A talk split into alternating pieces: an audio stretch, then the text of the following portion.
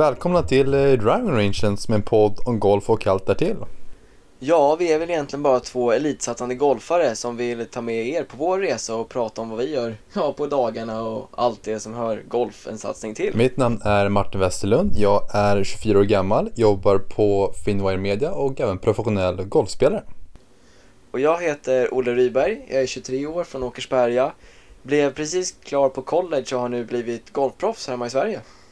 Hur är läget Olle? Allt bra med dig? Det är bara bra tack. Sitter och, ja, vi spelar ju in lite på distans idag igen, så sitter där hemma och myser. Men det funkar bra det. Hur är det med dig Martin? Jo men det är bara bra tack. Jag ser att du sitter i din, eh, ditt poolhus och uh, spelar in. Ja, jag försöker komma iväg från alla så det är så lite ljud som möjligt. Så då får man fly ut till Snickarboa. Fly ut till naturen som det heter. Ja, exakt. Ja, vad har du gjort senaste tiden då? Nej, men jag var uppe i, eh, med dig faktiskt. Uppe och spelade. Ja, det var du ja.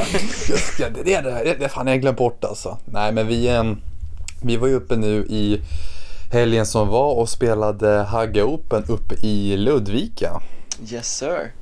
Och eh, ja men det, det var väl kul, jävligt kul att komma iväg och spela lite även med komp Det var vi och ett par andra kompisar till oss som var iväg. Eh, vad tyckte du om banan förresten? Men jag tycker den är mysig. Det var ju inte min första gång där, men det är ju väldigt trevligt där uppe.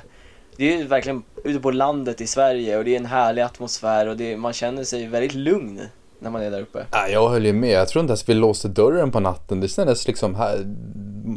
Vem, vem ska bryta in myggorna? Liksom. Det, det, det, det, alltså, man känner sig bara så lugn.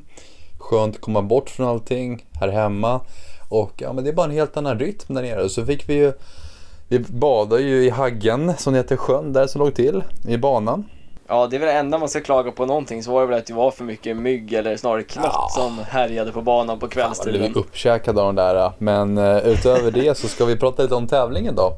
Absolut, det var första gången du tävlade nu på en liten stund igen, eller hur Martin? Ja, det blir det. Nu, jag var nästan lite förvånad när du sa det, men det stämmer faktiskt. Det var, nu har jag inte i huvudet då, men det var ett litet tag sedan jag tävlade, så det var kul att komma ut igen och uh, känna lite på hetluften så man säger då. Men eh, eh alltså, jag avslutade väl bra gjorde jag. Men eh, eh jag sköt 77, nej förlåt 76-70 då.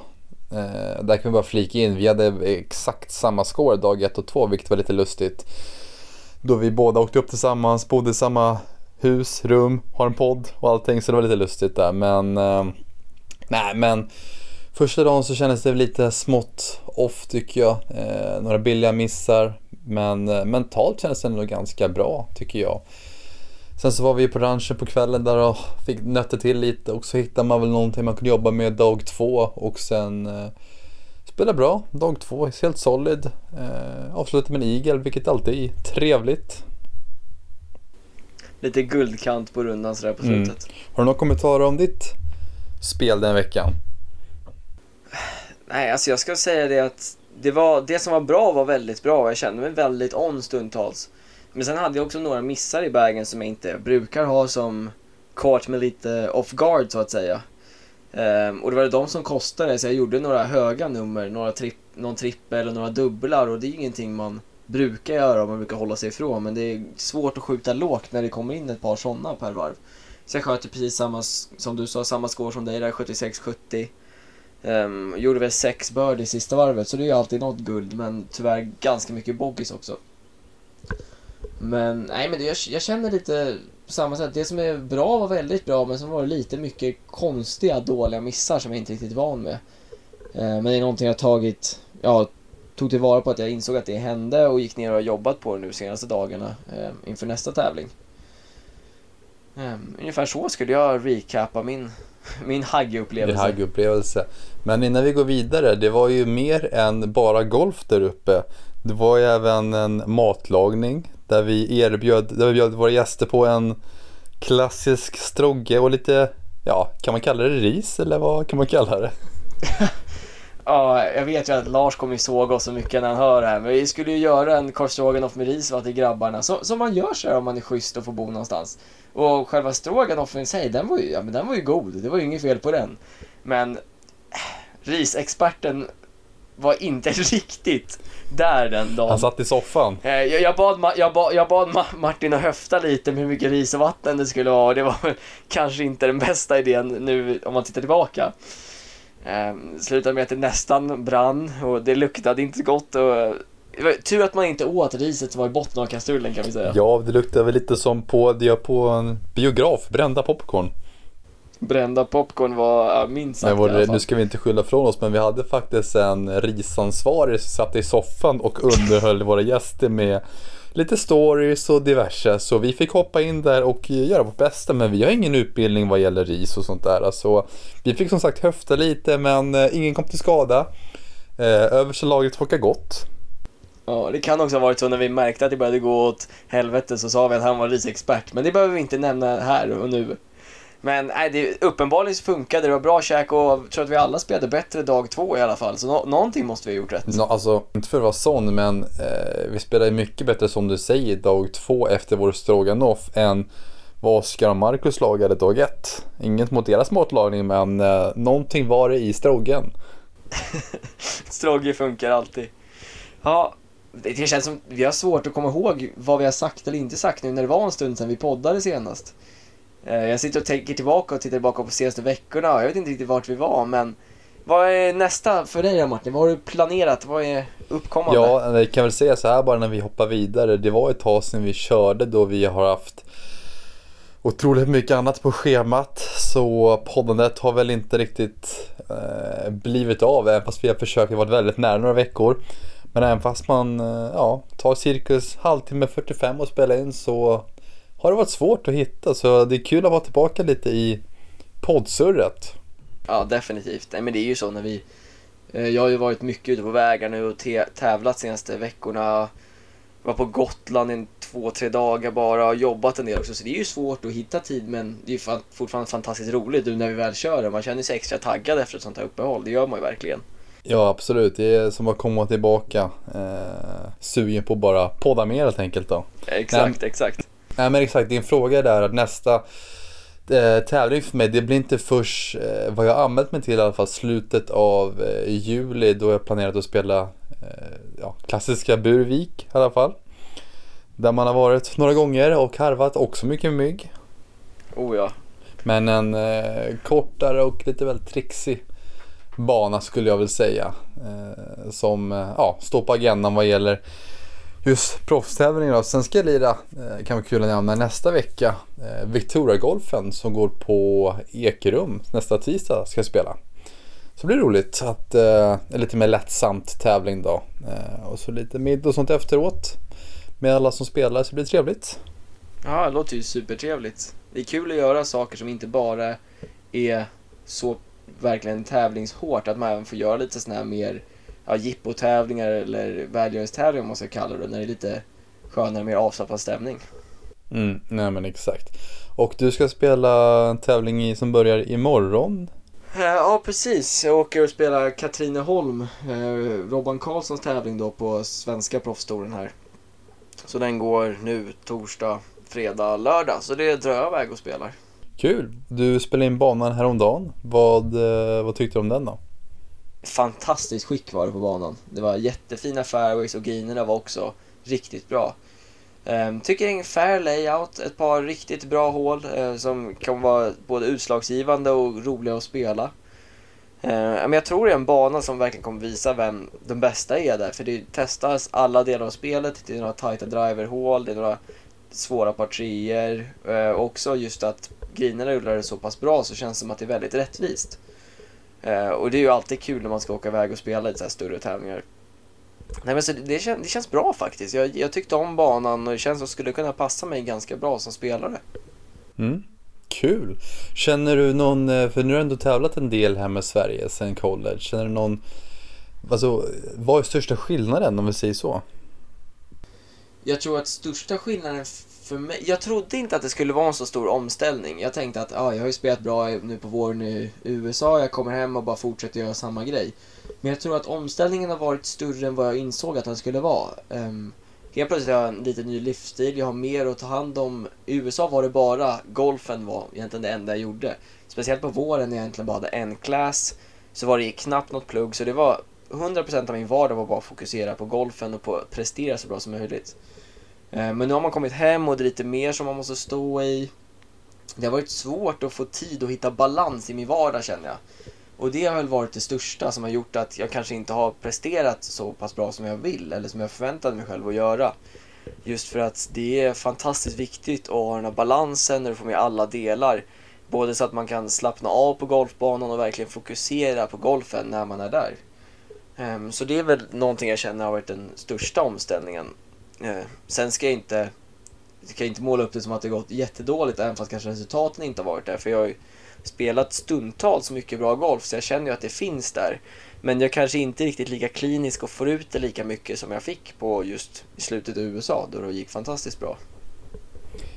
Ja men mycket handlar om som, som du säger att eh, har du mycket annat att fokusera på som tar upp tid och som dra, drar en lite kan man väl säga så blir det svårare att hålla 110% fokus när man bara har en sak framför sig. Eh, jag minns själv då när jag var på college, då hade jag några fler klasser än vad du hade. Eh, mina terminer där, sen sista terminerna då. Men eh, du har ju verkligen bara det och golfen och så kanske några, och så dina kompisar då. Men det är verkligen, du lever i din bubbla.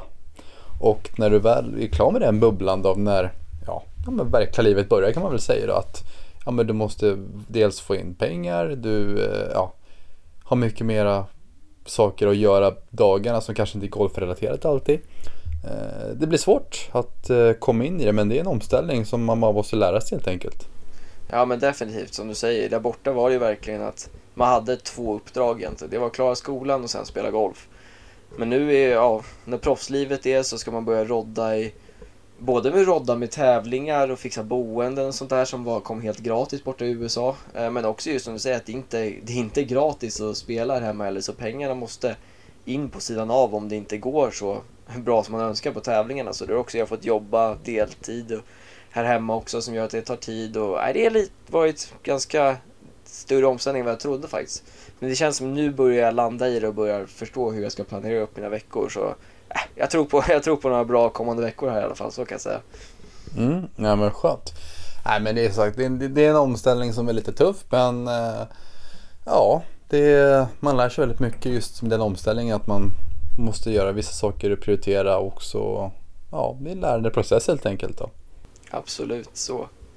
Ja, men vi har ju lite stora tävlingar eh, som inte vi spelar då, men som eh, proffsen spelar ganska snart. Det är en Major som kommer nästa vecka. Mm. Och en Major precis spelade här för några veckor sedan också. Absolut. Ska vi börja med den sistnämnda då? Som du faktiskt eh, för något avsnitt sedan tippade som skulle spela bra. Ja, alltså man kan säga så att det var ju inte ett helt oväntat tipp jag gjorde när jag sa att John Ram skulle vinna US Open. Men jag tänker fortfarande ta lite cred för jag ändå sa det, att just han skulle vinna US Open, vilket han gjorde. Ja, det är stort, det, men han spelar så jäkla bra. Men snacka om omställning att bli eh, ja, DQ då från Memorial på grund av Corona.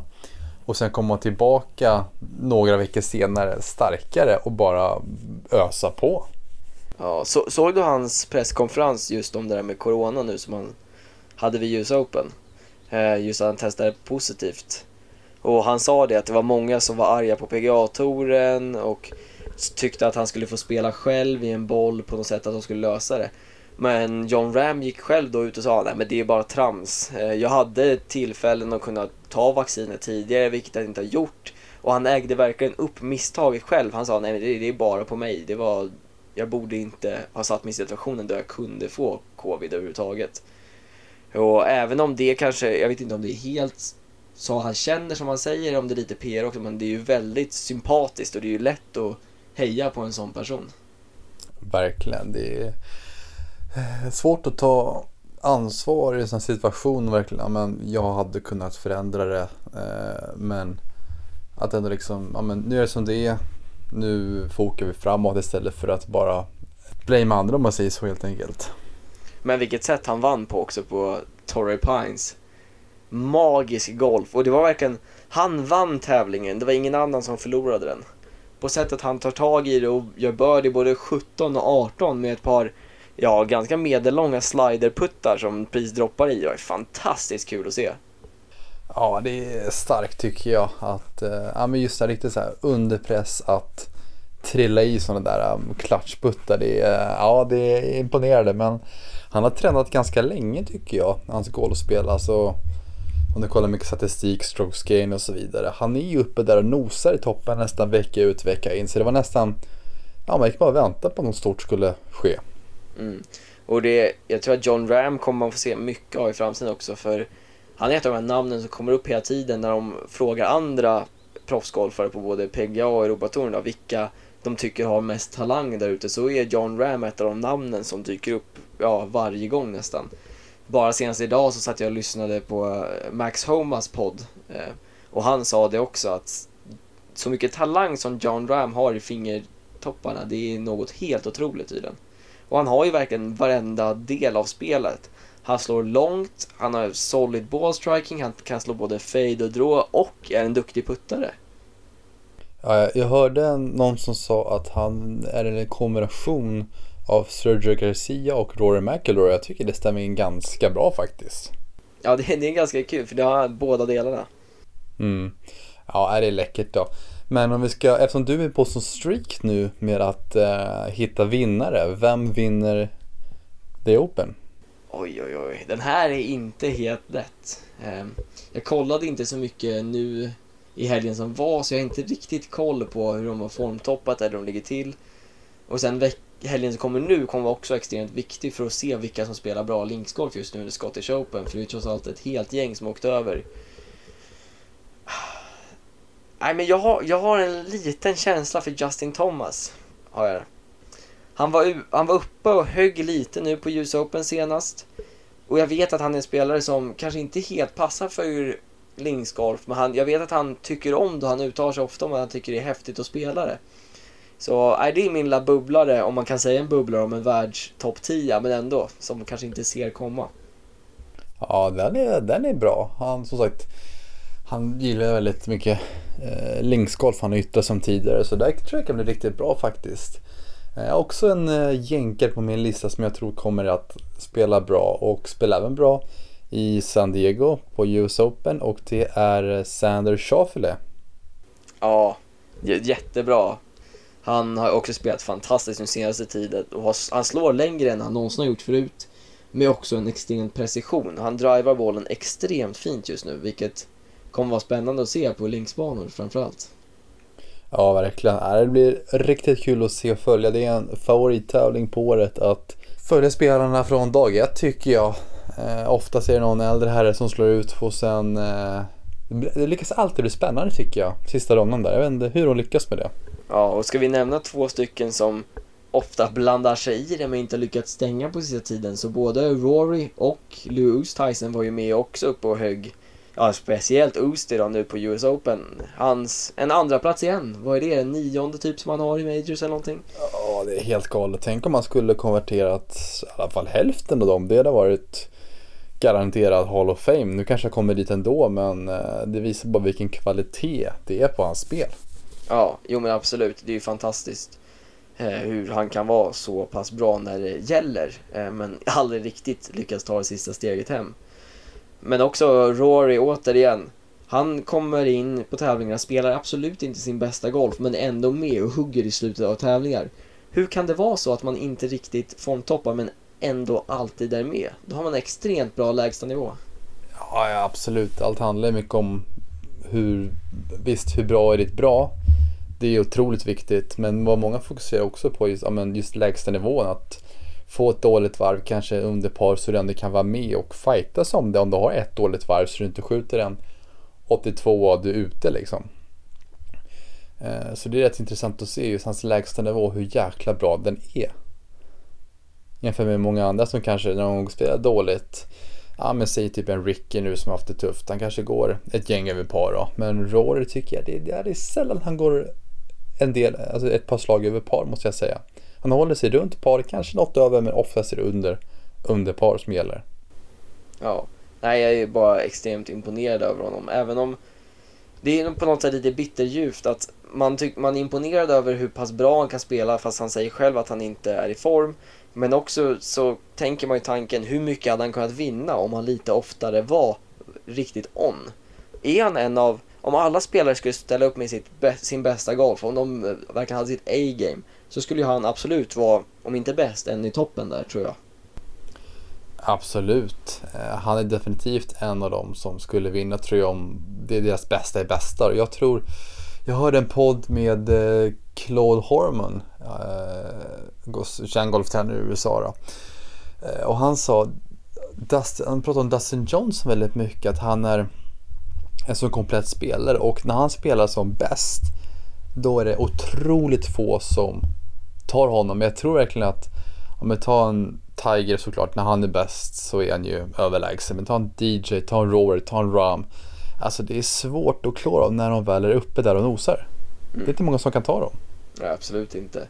Nej, den streaken som DJ då hade för några år sedan när han bara vann tävling på tävling, det var ju helt otroligt.